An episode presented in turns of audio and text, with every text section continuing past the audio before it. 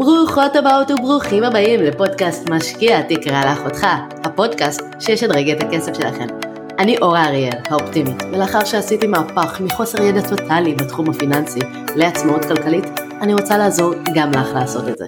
אני רוצה להוקיר אותך על כך שהחלטת לקדם את עצמך כלכלית ולהאזין לפודקאסט שלי. ולכן אני מזמינה אותך ואותך להיכנס לחנות האופטימית ולהזין קוד קופון פודקאסט באנגלית ולקבל 25% הנחה על כל המוצרים הדיגיטליים באתר מתנה ממני. עכשיו, בואו נדבר על כסף. היי! Hey, איזה כיף שהצטרפתם אליי. אני שמחה לבשר לכם שאת הפרק הזה אני עושה כבר חזרה מארץ הקודש. כל הפרקים הקודמים היו ממקסיקו, ועכשיו הפרק הזה מוקלט בארץ. כמו שרואים, חדר אחר, שעוד לא הספקתי לארגן, אווירה אחרת, אבל אה, זה אומר שהולכים להיות עוד הרבה דברים מגניבים בהמשך, שאני אוכל לחזור לעשות אה, הרצאות פרונטליות וכאלה, אז יהיה מדהים. אה, מה שאני רוצה לדבר איתכם היום, אה, זה אסטרטגיות לעצמאות כלכלית. אה, יש המון אנשים שרוצים להגיע לעצמאות כלכלית, פונים אליי, אומרים לי, אורה, תקשיבי, אנחנו רוצים גם מה הדרך הכי נכונה לעשות את זה. עכשיו, כל פעם אני אחזור ואגיד את זה, אין דרך אחת נכונה, אין דרך הזהב שצריך ללכת אליה, כל דבר יש לו יתרונות וחסרונות, ולכן אני אדבר איתכם על שלוש אסטרטגיות שמצאתי שיכולות להתאים לכל אחד, ואני גם אגיד למי זה יותר יתאים ולמי פחות. אה, וייתנו לכם רעיונות ויעזרו לכם למצוא אולי מה הדרך שהכי נכונה אה, עבורכם. אז אני חושבת שדבר ראשון, אה, לפני שאני אסביר את האסטרטגיות לעצמאות כלכלית, אני אסביר קודם כל מה זה עצמאות כלכלית, איזה רמה אנחנו רוצים להגיע ואיך אנחנו עושים את זה. אז עצמאות כלכלית, כפי שאני מגדירה אותה, זה כשרמת ההוצאות שלי היא שווה או אפילו קטנה מההכנסות הפסיביות שיש לי. אה, כאשר יש לי נכסים מניבים שהם עובדים במקומי ואני יכולה לממן את כל ההוצאות שלי אה, על ידי הנכסים הללו.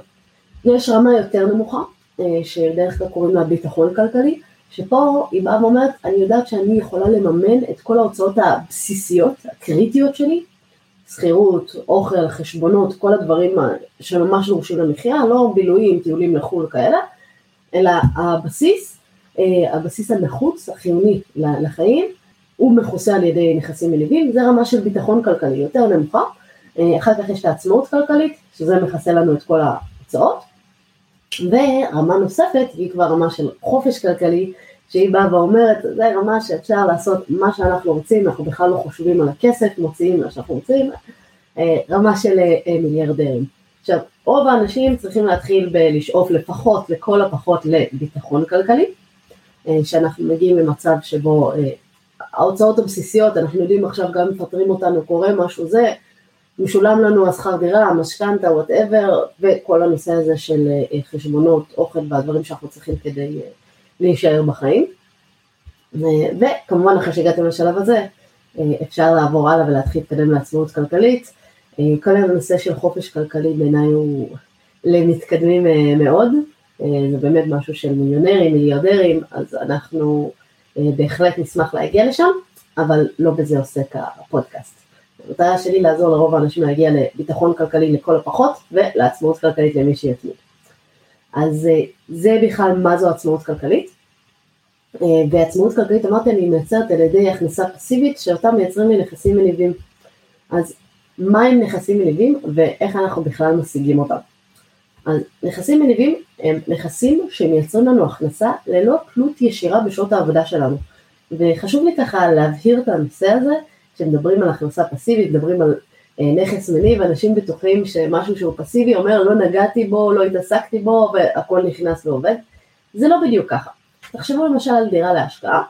אה, גם אם אני אתעסק בה הרבה מאוד אה, זמן, יש לי בעיות עם הדיירים וצריך להחליף אותם ויש תיקונים והכל, וגם אם אני לא אשמע מהדיירים שם חודשים או אפילו שנים, עדיין השכירות תהיה אותו הדבר, זה לא ישפיע על השכירות שאני אקבל.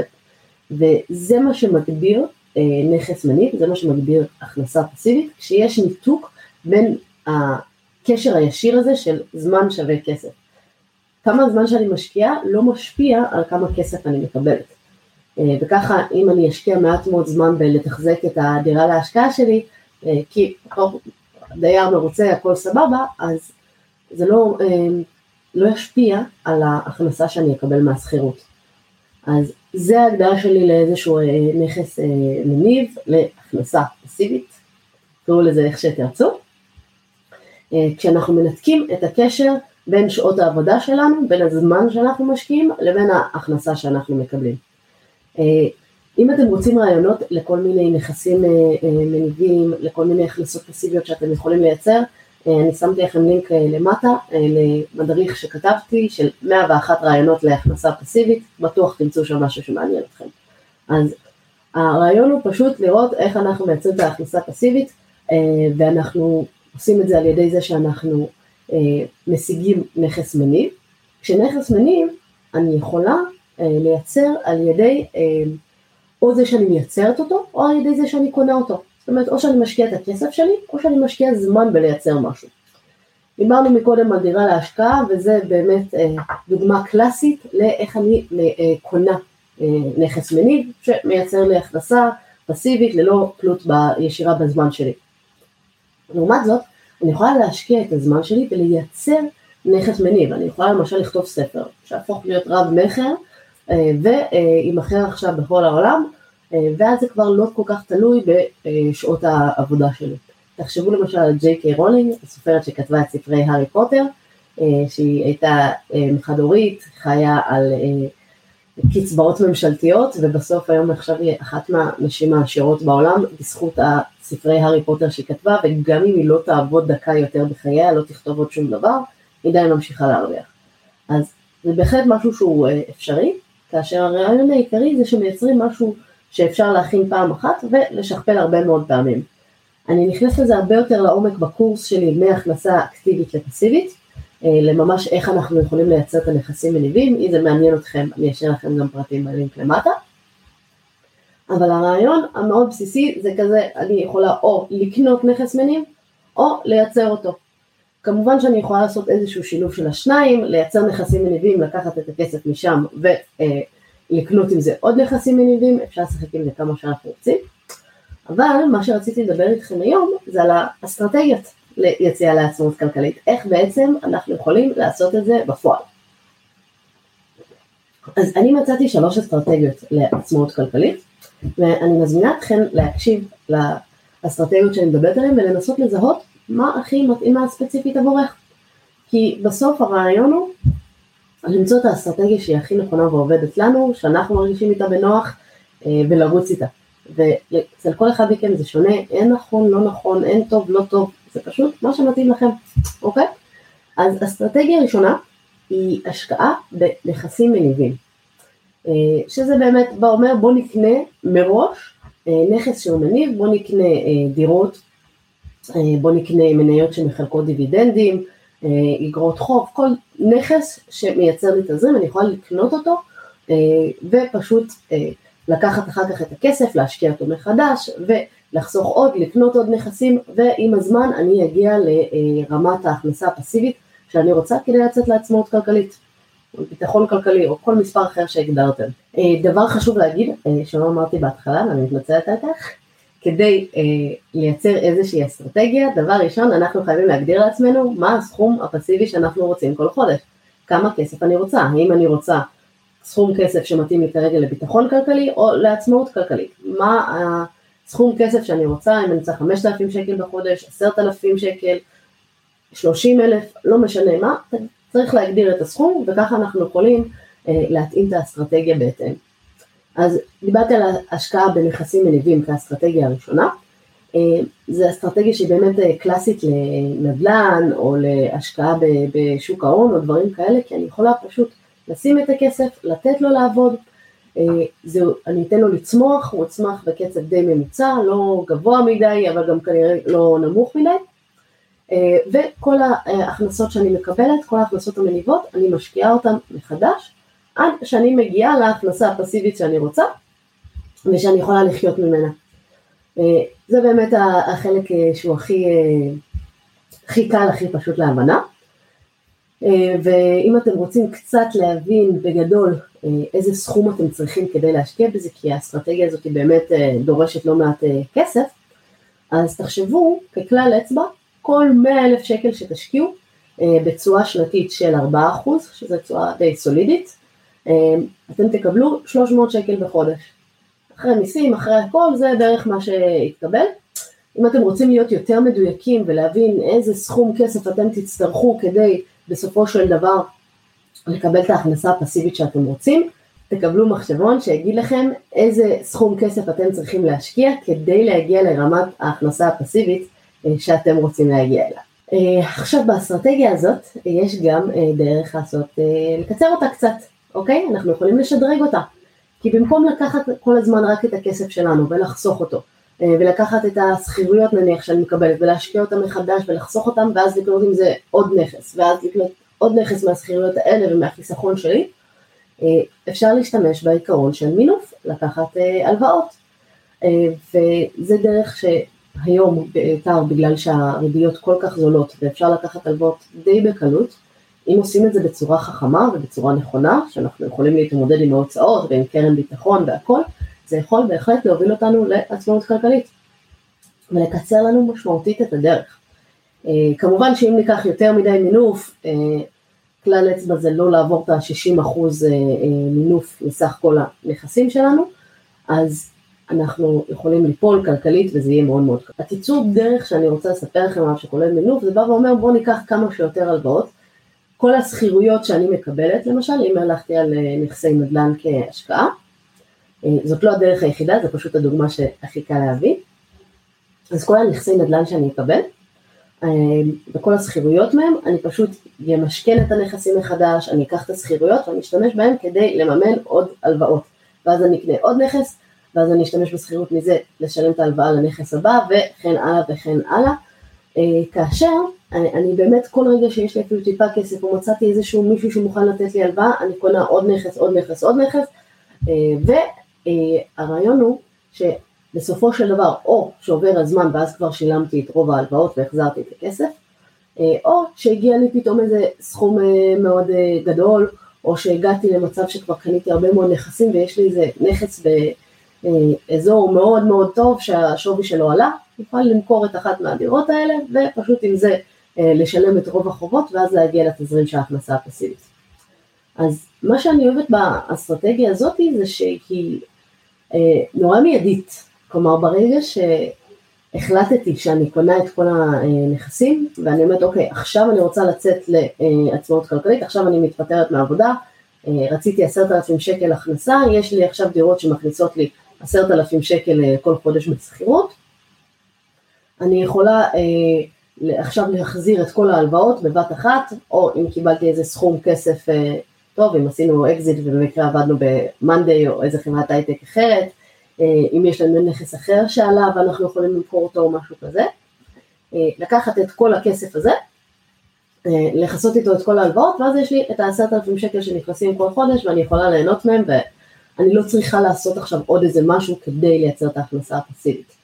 ככה שזה נורא מיידי וברגע שקיבלנו איזשהו סכום גבוה, ואם אתם מצפים לאיזשהו סכום גדול בעתיד, אז זאת יכולה להיות אחלה דרך למשל להתקדם עבורכם. אה, אז ברגע שקיבלתי את הסכום, מכסה את כל ההלוואות ואני נשארת באותו רגע כבר רק עם התזרים הפסיבי ואני לא צריכה לעשות שום דבר, יצאתי לעצמאות כלכלית והחיים טובים. אה, מה היתרונות של האסטרטגיה הזאת, של להשקיע בנכסים מניבים? דבר ראשון שזו אסטרטגיה יחסית יציבה, אוקיי? אה, כשאני הולכת על נכס שהוא מניב, בדרך כלל זה הנכסים הסולידיים יותר, אם אני מדברת על מניות שמחלקות דיבידנדים, זה בדרך כלל החברות הגדולות, יציבות, נכסי נדל"ן, שוב, אם הולכים על אזורים שהם טובים, הם, ועם אוכלוסייה טובה, אז יציב, נקבל את השכירות, הכל אה, ילך סבבה, זה גם משהו שהוא מתאים ליותר אה, אנשים שהם סולידיים באופי, זה לא גישה שהיא יותר מדי מוטרפת. גם מה שאחד היתרונות המאוד מאוד חזקים באסטרטגיה הזאת, זה האפקט הפסיכולוגי.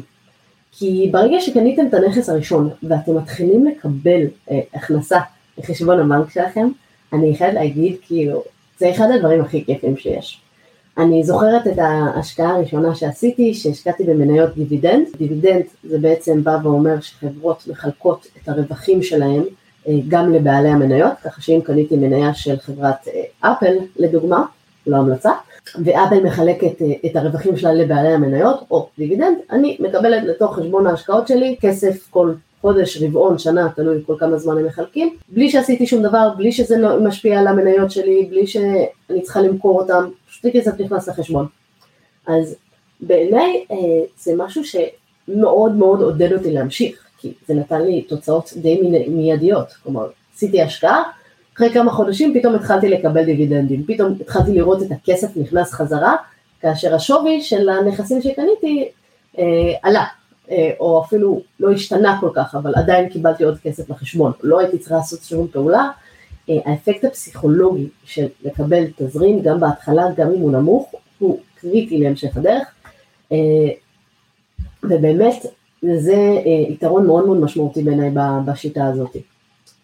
אה, יתרון נוסף אה, שיש בעיניי זה המיידיות שיש לאסטרטגיה הזאת של נכסים מניבים, שזה אומר שברגע שאני הגעתי לסכום שאני רוצה, הגעתי לסכום, אני כבר נמצאת במקום שיש לי את כל ההכנסות הפסיביות. כלומר, עכשיו קניתי את הדירה האחרונה, לא יודעת מה, קיבלתי, עשיתי אקזיט וקיבלתי אה, עוד כסף וקניתי עוד דירה בלי משכנתה, בלי כלום, בארץ, בחו"ל, לא משנה, לא חייבים להשקיע רק בישראל,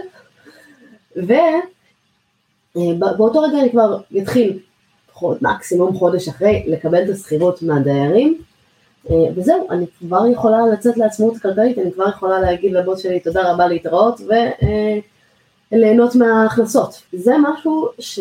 בעיניי אה, מאוד אה, נחמד, כלומר לדעת שבכל רגע אפשר אה, למצוא איזושהי דרך לכסות את ההלוואות שלנו, לייצר לעצמנו עוד הכנסה פסיבית, ותמיד אפשר למצוא עוד מקורות לייצר הכנסה, אם אתם שכירים או זה, אפשר לנסות למנף קרן השתלמות או כל מיני דברים כאלה, ולראות איך אתם עושים מינוף שהוא נכון, שהוא חכם, מקצרים את הדרך לעשות את זה, וברגע שאתם מקבלים איזשהו סכום כסף גדול, לסגור את ההלוואות, למכור את אחד מהנכסים שאולי בינתיים במשך השנים עלה, אה, ולהמשיך כל הזמן אה, לקנות עוד נכסים, באותו רגע ששילמתם את ההלוואות, זהו, יצאתם לחופשי. אה, ובעיניי זו אסטרטגיה מדהימה, מה גם שתשימו לב שבאסטרטגיה הזאת, במיוחד אם אתם משתמשים במינוף, מי שמשלם את המשכנתה, מי שמשלם את ההחזרים שלכם, רוב הזמן זה הסוחרים. כלומר, הם קונים לכם את הנכס, אתם באים עם איזשהו הון עצמי, מינימלי, חסכונות ש, אה, שיש לכם, ואחר כך ספרים משלמים לכם את שאר העלויות, ברגע שאתם, אה, וככה כל, במשך הזמן, ההלוואות שלכם גם הולכות וקטנות, כי אתם משלמים אותם, הדיירים משתמשים בכסף שהדיירים משלם אותם, כדומה. זה בעיניי היתרונות של השיטה הזאת, אה, אני חייבת להגיד שאני אישית הולכת באסטרטגיה הזאת, היא נורא נוחה לי, נורא מתאימה לאופי שלי, כן סולידית, היא כן יציבה, והיתרון הפסיכולוגי הזה בעיניי לראות את הכסף נכנס לחשבון הבנק, לי אישית זה נותן המון מוטיבציה להמשיך, לא אומר שזו הדרך הנכונה, זה אומר שזו הדרך אה, שהיא נכונה בשבילי. אבל מה החסרונות של השיטה הזאת? החסרונות של השיטה, אה, בטח אם אני לא משתמשת במינוף, זה שהיא מאוד איטית, אוקיי? ההכנסות משכירויות הם לא דברים כאלה גבוהים, כלומר בטח אם אני הולכת למקומות שהם יותר סולידיים, אני לא אה, אקבל עכשיו הכנסות שהן כל כך גבוהות. התשואות שיש לי משכירויות הן נעות בין, הממוצע בארץ זה בערך שלושה אחוז, לבין אה, משהו כמו אולי שמונה, תשעה אחוז בלחץ, אם אני מדברת באזורים בחו"ל, ושוב, כשאני מתמקדת באזורים שהם סבבה ולא מקומות שמציעים לי 15% אחוז משכירות וזו אוכלוסייה שאלוהים יעזור לי, או שאף אחד לא רוצה לגור שם, או כל מיני דברים כאלה. אז צריך לנסות לחפש אה, אה, את הדברים שהם בצורות שהן כן אה, הגיוניות, אה, ואם אנחנו הולכים על הצורות ההגיוניות זה לוקח יותר זמן. אפשר לקצר את זה על ידי הלוואות, אבל עדיין זה תהליך שייקח, יכול לקחת באמת הרבה מאוד שנים להגיע, זה דורש הרבה מאוד סבלנות, זה דורש הרבה מאוד התמדה. אם אני משתמש במינופים זה כן גם שם אותי בסיכון יותר מוגבר, לכן חייבים באמת באמת לדאוג שתהיה קרן חירום, חייבים לדאוג שהשכירות מכסה את ה... אה, את ההלוואות שלקחנו, או את המשכנתה, וגם לוודא שבמקרה ואין דיירים כמה חודשים, או יש איזה תיקון, משהו שצריך לעשות, יש לנו קרן חירום אה, עם כספים שנוכל להחזיר את זה מהם. אז אה, זה באמת החסרונות, כי זה מצריך מאיתנו קרן חירום יותר גדולה, אם אני משתמשת במינוף, אה, וכי זה גם תהליך שהוא יותר איטי צערנו. זה דרך שהיא יותר סולידית, אבל לוקחת לנו יותר זמן. האסטרטגיה הזאת אה, יכולה להתאים, קודם כל למי שיש לו הון התחלתי, זה קלאסי, תתחילו להשקיע באמת בנכסים, תתחילו לגרום לכסף שלכם לעבוד, וזה מתאים בעיקר לאנשים שהם יותר סולידיים באופי, יותר רוצים יציבות, גם מעט התעסקות יחסית. כי בדרך כלל נכסים מניבים לא דורשים מאיתנו הרבה התעסקות, קנינו מניה, קנינו איזשהו נכס, ואנחנו לא צריכים כל היום לשבת לוודא שזה עובד. מעבר לזה, במיוחד אם אני משתמשת בנושא של מינוף, זה מתאים לאנשים שהם כיום אה, עובדים ויש להם גם איזשהו חיסכון באופן שוטף, אה, ככה שיהיה אפשר לשלם את ההחזרים, את ההלוואות, את המשכנתה, אה, כל חודש מתוך ההכנסות הקיימות, ולא לבנות אך ורק על השכירות. שוב, אני אוהבת מרווח ביטחון שיהיה, לא תמיד לשים את עצמנו על הקצה ולקוות שיהיה טוב. אז אם אתם עובדים, יש לכם אה, הכנסה כבר קבועה והכל, ויש לכם כסף שחסכתם בצד, אה, הזאת יכולה להתאים לכם, במיוחד אם אתם לא אוהבים כל מיני הרפתקאות מטורפות ורוצים להישאר סולידיים, יכולים לעשות את זה, רוצים לקחת את זה קצת יותר אה, דרגה למעלה ולקצר את התהליכים לעצמאות כלכלית, תיקחו יותר הלוואות. כמובן שאתם יכולים לעמוד בהם, אבל ברגע שתיקחו הלוואות ותקנו איתם עוד נכסים מניבים, תקצרו את הדרך שלכם לעצמאות כלכלית ותייצרו לעצמכם תזרים יותר גבוה. אז זה לגבי כל הנושא של אה, אה, השקעה בנכסים מניבים, שזו האסטרטגיה הראשונה, אשמח לשמוע אם זה משהו שנראה לכם מתאים. האסטרטגיה השנייה אה, היא להשקיע דווקא בנכסי הון, אוקיי? הרעיון זה בעצם להשקיע בוא נקרא לזה בפרויקטים יזמיים, בשוק ההון, בדברים שאנחנו צופים שיהיה להם איזושהי צמיחה מאוד גדולה.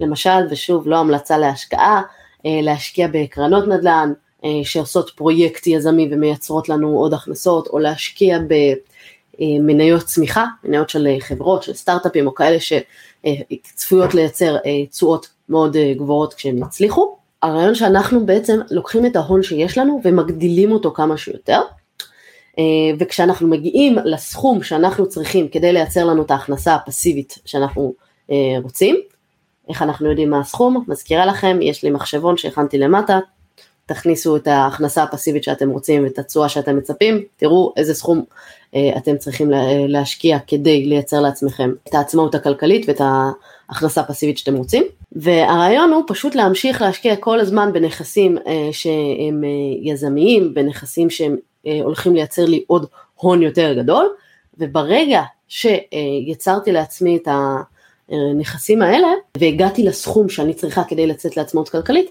אז אני יכולה אה, להתחיל אה, לעשות אחד משני דברים, יש שתי שיטות שראיתי אפילו לדבר הזה. דבר ראשון, להתחיל לקנות עם זה נכסים מניבים. ברגע שעשיתי את זה, הגעתי נגיד, אני הייתי צריכה סכום של 2 מיליון כדי להגיע להכנסה הפסיבית שאני רוצה, ואז אני קונה פשוט אה, נכסים מניבים בסכום של 2 מיליון, מקבלת את התזרים הכנסה פסיבית שרציתי, והופ, כבר יש לי, אה, יכולה לצאת לעצמאות כלכלית. יש אה, למשל זוג שהכרתי במקסיקו, שני אנשים מדהימים, והם האסטרטגיה שלהם קצת אחרת, הם משקיעים כל הזמן בפרויקטים של נדל"ן, מכירים את האנשים הנכונים, והם מאוד אוהבים את הנושא של יזמות בנדל"ן. כל כמה זמן לוקחים את ההון שיש להם, משקיעים את זה ביזמות נדל"ן, ומה שהם עושים אז, הם לוקחים את הרווחים, נניח יש להם חצי מיליון שקל, אוקיי, או מיליון, לא משנה, לוקחים את הכסף הזה, אה, משקיעים אותו בפרויקט, אה, הם ספציפית עושים את זה בפרויקטים של פרויקטים נדל"ניים, לוקחים את הרווחים, נניח הפרויקט הזה עשה 20%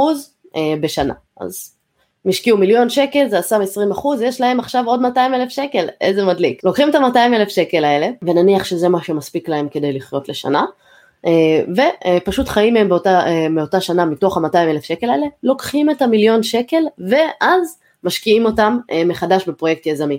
ככה כל הזמן הם לוקחים את הקרן, את הסכום הראשוני שיש להם, משקיעים אותו, הוא מייצר להם עוד כסף, ובינתיים הם חיים מתוך הרווחים. עכשיו השיטה הזאת היא באמת אה, הרבה יותר אה, דורשת התעסקות, פחות אה, פסיבית, אבל יש אנשים שלהם זה עובד, יש אנשים שבאמת אוהבים את האקשן וגם כמו שתשימו לב זה באמת מקצר את הדרך משמעותית כי אנחנו מדברים פה על תשואות יותר גבוהות. עם סיכון יותר גבוה חד משמעית, אבל אנחנו גם מדברים על תשואות שהן יותר גבוהות, וכשאנחנו משקיעים במשהו שלא מחלק לי תזרים, בדרך כלל הוא גם יניב לי יותר. ואז, כי כל הכסף שאני לכאורה הייתי יכולה לקבל כתזרים נכנס גם ומושקע מחדש כבר אוטומטית, אז ברגע שאני משקיעה בנכס שהוא הוני, שהוא נותן לי לא בצורה מניבה, לא נותן לי כל חודש, כל רבעון את הכסף, אלא נותן לי באופן חד פעמי את הרווח, אני יכולה אה, לקחת את הרווחים ולחיות מהם, ליהנות מהם ולהמשיך להשקיע את הקרן הראשונית, אה, או פשוט לקנות עם זה עוד נכסים מניבים, אה, תלוי בכם, תלוי בגישה שלכם ובמה נכון ומה מתאים עבורכם. אה, היתרונות של השיטה הזאת, אה, האסטרטגיה הזאת בעיניי יכולה להביא אתכם הרבה יותר מהר ליעד, אה, שוב, אתם תרוויחו פה תשואות בדרך כלל אה, בנכסי הון או בפרויקטים יזמיים או מניות צמיחה או כל אחד מהדברים האלה, הם מרוויחים תשואות הרבה יותר גבוהות. ושוב, ספציפית איפה תשקיעו, נדל"ן, שוק ההון, השקעות אלטרנטיביות, קריפטו, לא מעניין אותי, אוקיי? זה, אני רוצה שתבינו את העיקרון, אוקיי? אבל בסוף אם יש לי איזשהו משהו שאני יודעת שהולך לצמוח מאוד בגדול, אני יכולה להגיד, אוקיי, אני רוצה עוד, לא יודעת מה, עשר שנים לצאת לעצמאות כלכלית, אז אני יכולה, ויש לי הון אה, התחלתי שהוא יחסית נמוך יותר, אני יכולה ללכת דווקא על נכסי הון, כי אני בינתיים לא צריכה את התזרים, אני בינתיים עובדת, אין לי מה לקבל הכנסה פסיבית, אני רוצה אותו עוד עשר שנים, כי אני יודעת שבפנסיה שלי לא יהיה, לא משנה. מה שאני יכולה לעשות, פשוט להמשיך להשקיע את זה כל הזמן בפרויקטים, פרויקטים, פרויקטים. אה, אז באמת זה נותן לי להגיע הרבה יותר מהר לסכום שאני צריכה כדי לייצר לעצמי את ההכנסות פסיביות שאני רוצה. וזה מייצר גם תשואות אה, מאוד אה, גבוהות שכולנו אוהבים להרוויח יותר. אז זה בהחלט יתרון. החסרונות זה כמובן שהסיכון יותר גבוה, כמובן כשברגע שאני לא מרוויחה יותר, זה בא ביחד עם זה שאני מסכנת יותר, כמובן על ידי הרבה למידה, הרבה ידע אפשר לצמצם כמה שיותר את הסיכונים, אבל עדיין הסיכון הוא בדרך כלל גבוה יותר במניות צמיחה, בפרויקטים יזמיים, בכל הדברים האלה, מאשר אה, במשהו שהוא מניב מראש, שהוא יותר סולידי. אה, חיסרון נוסף זה שזה יחסית הרבה התעסקות. אה, באסטרטגיה הקודמת של לקנות נכסים מניבים, נכס מניב אני קונה, מחזיקה, הכל טוב. אין לי מה עכשיו להתעסק. פה אני כל הזמן צריכה לחפש את הפרויקט הבא, כל הזמן צריכה לראות איפה אני משקיעה מחדש את הכסף, איפה אני מייצרת לעצמי עוד ועוד הכנסות. אז האסטרטגיה הזאת של נכסי הון, באמת כל כמה שנים אני אקבל את הרווחים, אז אני צריכה כל הזמן להמשיך ולחפש עוד השקעות ועוד השקעות. עכשיו לאנשים שאוהבים את זה, זה, זה אחלה, זה באמת, אני חושבת על למי יכולה להתאים האסטרטגיה הזאת שהשקעה בנכסי הון, זה לאנשים שרוצים להיות מאוד מעורבים בתהליך, אה, אנשים שיש להם זיקה לתחום מסוים, הוא מאוד מעניין אותם בתחום מסוים ורוצים להתעסק בזה, מהמם, אה, אה, לכו על זה, אם אתם אוהבים פרויקטים יזמיים, אם אתם אוהבים מניות צמיחה, אם אתם אוהבים תחומים שאפילו קריפטו יכול להתאים אה, לגישה הזאת. הרעיון הוא שאתם יכולים להשקיע במשהו שיש לו צפי אה, לעלות בצורה מאוד גבוהה, לקחת את הרווחים ואחר כך להשקיע אותם במשהו מניב, או פשוט לקחת את הרווחים אליכם ולהשקיע מחדש את הקרן ולעשות את זה ככה. אז זו האסטרטגיה השנייה שנקראת השקעה בנכסי הון. באמת חשוב להגיד, היא כן יותר אה, עם סיכון יותר גבוה, היא כן דורשת יותר התעסקות, אבל היא תביא אתכם הרבה יותר מהר ל, ליעד מאשר ההשקעה בנכסים מניבים חד משמעית. האסטרטגיה השלישית היא לעשות, להשקיע בלייצר מקורות הכנסה פסיביים בעצמנו. אמרתי בהתחלה, אני יכולה או לקנות נכס מניב, או שאני יכולה לייצר אותו. עכשיו, איך אני באמת יכולה לייצר אה, נכס מניב? אמרתי, נתתי דוגמה של ספרים, יש דוגמה של קורס דיגיטלי, אני יכולה להקים עסק שהוא פסיבי, ושוב, יש לכם למטה בלינקים, אתם יכולים לחפש 101 רעיונות ליצירת הכנסה פסיבית, מדריך שהכנתי עבורכם, אה, אז אם אתם מחפשים רעיונות למה אה, או איך אפשר לייצר את זה, אז אה, יש לכם שם מלא, והרעיון הוא שאנחנו משקיעים לא את הכסף שלנו, אלא בעיקר את הזמן שלנו כדי לייצר נכס, כדי לשווק אותו, כדי שאנשים יכירו אותו, שיקנו את המוצר, שייכנסו לאתר, לא משנה מה שזה לא יהיה הנכס הזה שיצרתי. ואחר כך כשהנכס הזה מצליח והוא כבר רווחי והוא כבר עובד, אז אני מעבירה הלאה את האחריות למישהו אחר והופכת את הנכס הזה ליותר פסיבי עבורי. למשל, אה, קורסים דיגיטליים. נניח והכנתי איזשהו קורס דיגיטלי ואני יכולה לגרום לכך שהקורס עצמו די עובד חלק, יצרתי מערכת אוטומטית, אנשים קונים את הקורס, אנשים אה, אה, צופים בכל התכנים מתי שמתחשק להם. בעיה עם קורסים דיגיטליים והבעיה בכלל עם כל הנכסים הפסיביים שאנחנו מייצרים, שצריך אה, לשווק אותם, צריך למכור אותם, זה נכון לספרים, זה נכון לאתרי אינטרנט, צריך לגרום לזה שיגיע קהל ואנשים יקנו את זה.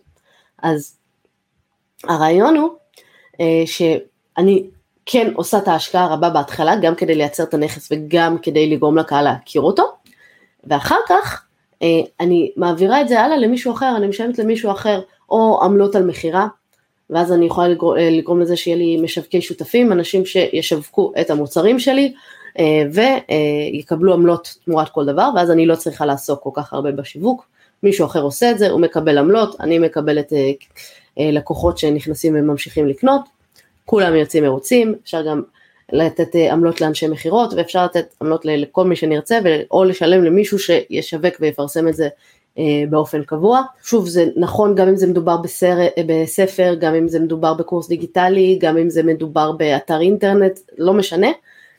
הרעיון שאנחנו משקיעים את רוב העבודה בהתחלה, אנחנו מייצרים את הנכס ואחר כך אנחנו מעבירים הלאה למישהו אחר ואז הנכס באמת יהיה פסיבי עבורנו. אני נכנסת שוב המון לאיך לעשות את זה, כל האסטרטגיות, כל הדרכים, כל זה בקורס שלי מהכנסה אקטיבית לפסיבית, אה, איך אה, לעבוד פחות ולהרוויח יותר, אבל כן חשוב להגיד באסטרטגיה הזאת של איך ליצור נכסים מניבים, בהתחלה אנחנו משקיעים המון, אנחנו משקיעים המון מהזמן שלנו, אנחנו מייצרים אה, נכס, תחשבו על ג'יי קיי רולינג וכמה זמן לקח לה לכתוב את הספרים של הארי פוטר, אני בטוחה שזה לא לקח לה יום יומיים.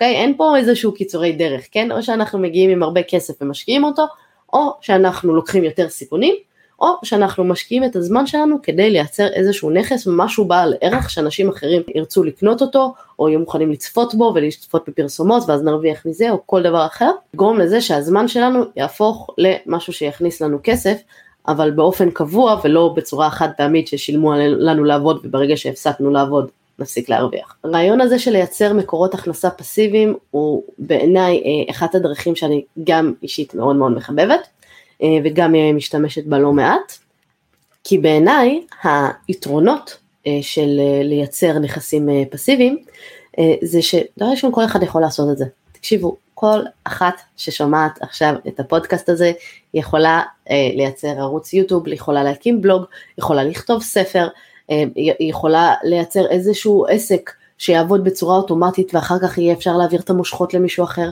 זה לא משנה מה.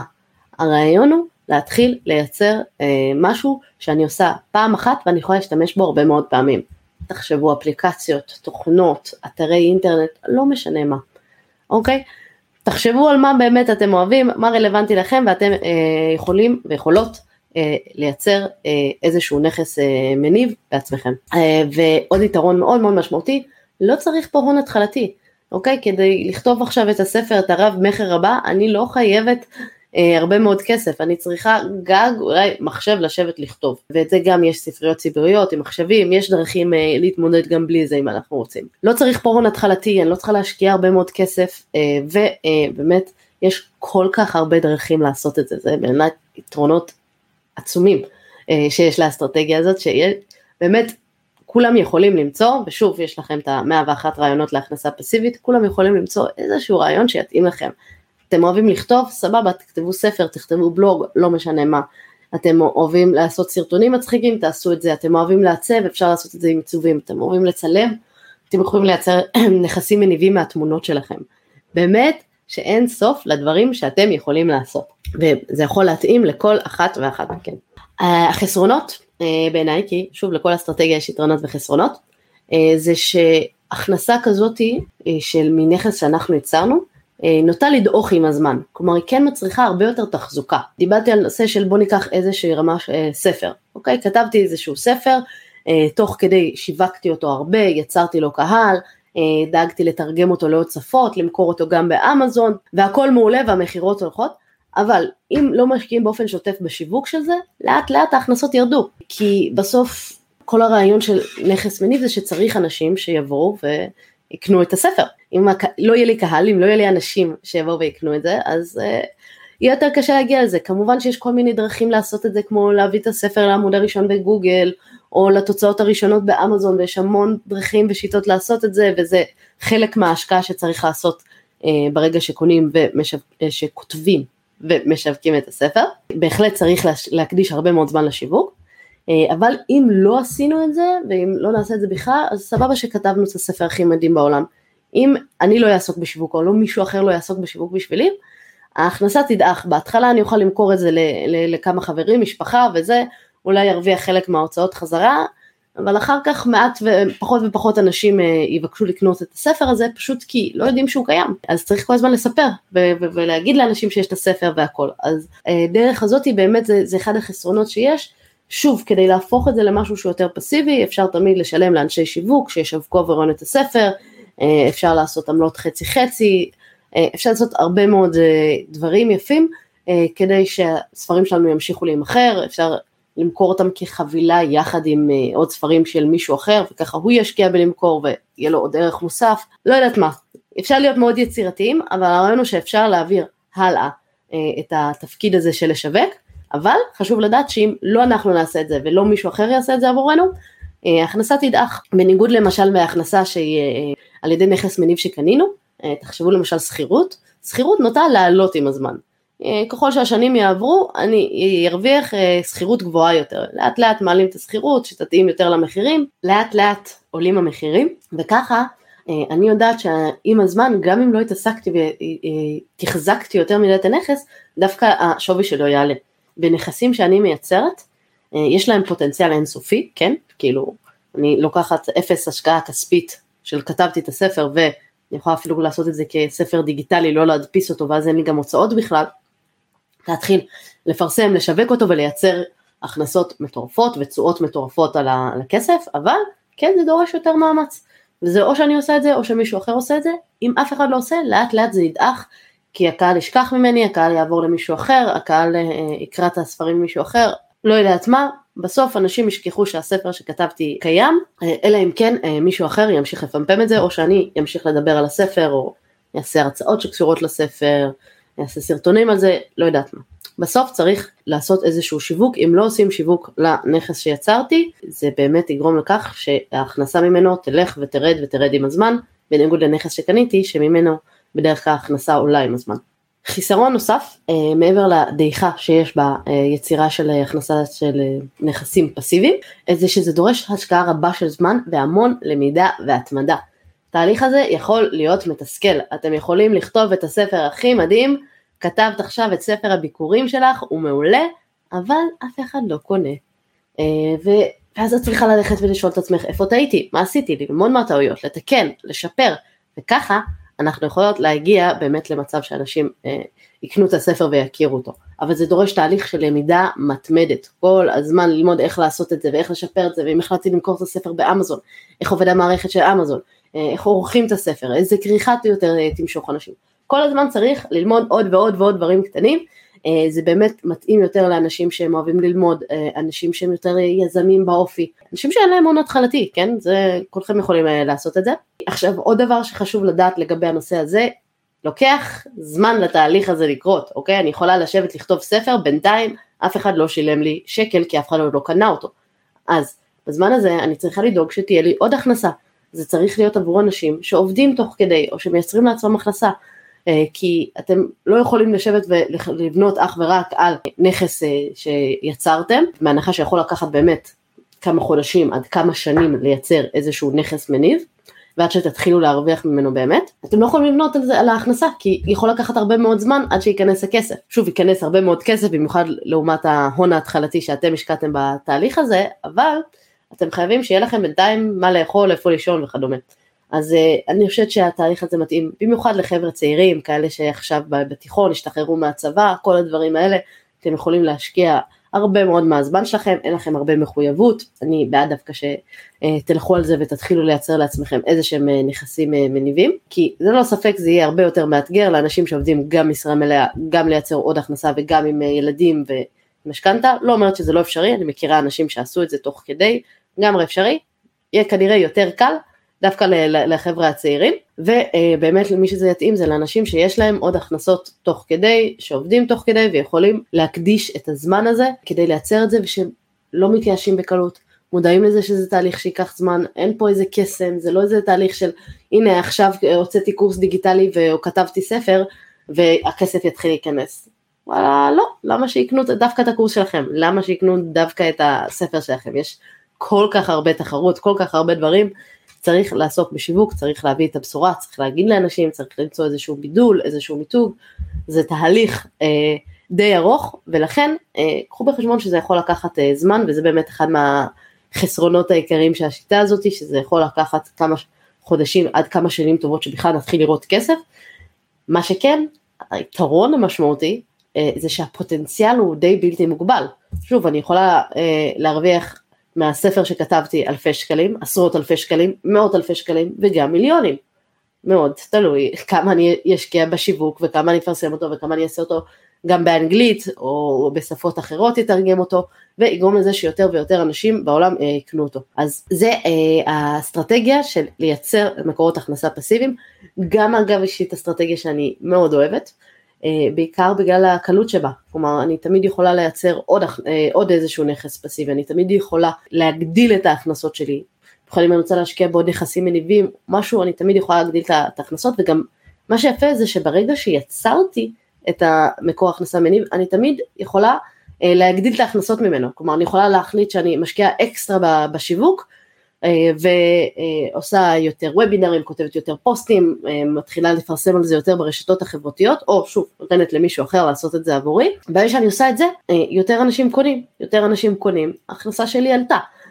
זה לא משהו שאני יכולה לעשות למשל בפרויקט נדל"ני או בנכס מניב, דירה להשקעה שקניתי, אני לא יכולה לעשות שום דבר שבאותו רגע באמת ההכנסות שלי יעלו. אה, אני כן יכולה לעשות את זה עם אה, נכסים מניבים שאני יצרתי, שהשקעתי את הזמן שלי כדי לייצר אותם, כדי לבנות ספרים, קורסים דיגיטליים, אתר, כל אחד מהדברים האלה יכול לייצר לנו הרבה מאוד כסף, ולא סתם מראים כל מיני מקצועות חדשים ואנשים שמרוויחים הרבה מאוד כסף מיוטוברים, בלוגרים, כל הדברים האלה. יש הרבה כסף שאפשר לעשות, צריך להכיר, צריך ללמוד את התחום, צריך ללמוד מטעויות, צריך לדעת שמדובר בדרך אה, ארוכה ולא פשוטה, אה, וצריך להתמיד, אה, וברגע שעושים את כל זה, אתם יכולים להצליח ולהרוויח הרבה הרבה מאוד. אז אלה היו שלושת האסטרטגיות שרציתי לספר לכם עליהן להגעה לעצמאות כלכלית. שהראשונה זה להשקיע ישירות בהתחלה בנכסים מניבים, לקחת את הכסף שיש לנו, להשקיע בנכס מניב ולהמשיך להשקיע, לקחת את ה... ההכנסה הפסיבית שאני מקבלת מהנכס המניב, להשקיע אותה מחדש, לקחת מינוף, ועד אה, אה, שהגעתי לסכום שאני רוצה אה, לחיות ממנו. אסטרטגיה השנייה, להגדיל את ההון שלי כמה שיותר, להשקיע דווקא בנכסים הוניים, לייצר לעצמי כמה שיותר הון, לקחת קצת יותר ריזיקות, אבל להרוויח גם יותר בסופו של דבר. אז אני יודעת שאני יכולה ברגע שהגעתי לסכום שאני צריכה כדי לחיות, להשקיע בנכסים מניבים, ולייצר לעצמי תזרים, או פשוט לקחת את הרווחים ולהמשיך להשקיע את ההון כל פעם מחדש. תלוי בדרך שלכם, מה נוח לכם. והאסטרטגיה השלישית, לייצר מקורות הכנסה פסיביים בעצמנו, אה, להקים איזשהו משהו שכל אחד מאיתנו יכול לעשות, בלוג, אתר אינטרנט, ערוץ יוטיוב, לא, לא משנה מה, באמת, כאילו זה, זה בכלל לא, לא רלוונטי מה, חשוב שזה יהיה משהו שאתם אוהבים, תתמידו בו, וברגע שתתחילו לתת ערך לאחרים, תתחילו לעזור לאנשים אחרים והם יאהבו את התכנים שאתם מייצרים, אתם תוכלו למצוא כבר את הדרכים להרוויח מזה כסף. שוב, אם מעניין אתכם בעיקר האסטרטגיה השלישית, אבל אני גם מדברת על האסטרטגיה הראשונה והשנייה, בקורס שלי מהכנסה אקטיבית לפסיבית, אתם יכולים ללמוד תכלס, הלכה למעשה איך לעשות את כל הדברים האלה, אה, וגם אם לא, אה, אני מקווה מאוד שהפרק הזה עשה לכם המון סדר אה, ועזר לכם להבין איזה אסטרטגיות יש, איזה אסטרטגיה יכולה יותר להתאים כל אחד והאופי שלה, ואני נורא אשמח אה, לשמוע מה אתן חושבות על הפרק, אה, מה לקחתם מזה, איזה אסטרטגיות נראה לך שיותר יתאימו ספציפית עבורך, אם יש לכם רעיונות לפרקים נוספים, דברים נוספים שתרצו שאני אעשה, אני אשמח לדעת, כי הנושא הזה של אסטרטגיות לעצמאות כלכלית, באמת אני בייעוצים האישיים שאני עושה ובכל המפגשים, הרבה מאוד חוזר על עצמו, מה הדרך שהכי נכונה לעשות את זה, איך אני יכולה להגיע לעצמאות הכלכלית הזאת, איך אני יכולה לייצר לעצמי את ההכנסה הפסיבית. אלה שלושת הדרכים העיקריות אה, להגיע להכנסה פסיבית, תיתן לכם עצמאות כלכלית, ביטחון כלכלי, חופש כלכלי, מה שתבחרו וכמה שתתמידו בדרך. והיה לי מאוד כיף לעשות את הפרק הזה, אה, והיה לי מאוד אה, כיף אה, ומשונה לחזור אה, חזרה לארץ, ואנחנו נתראה בפרק הבא. להתראות. תודה רבה שהאזנת למשקיע תקרא לאחותך. להמשך העשרת הידע הפיננסי, אני מזמינה אותך לקרוא בבלוג, להירשם לערוץ היוטיוב ולקורסי ההשערה של האופטימית, וגם להצטרף לקבוצת משקיעים בדרך לעצמאות כלכלית בפייסבוק. אגב, מחקרים מראים שפרגון משפר את המצב הכלכלי. כן, כן, דירוג הפודקאסט או עמוד האופטימית בפייסבוק יאפשר לך גם לפרגן וגם לעזור להעביר את המידע הלאה. כל הכישורים שדיברנו עליהם נמצאים בתיאור הפרק, אז בלי תירוצים, הגיע הזמן למעשים. נתראה בפרק הבא.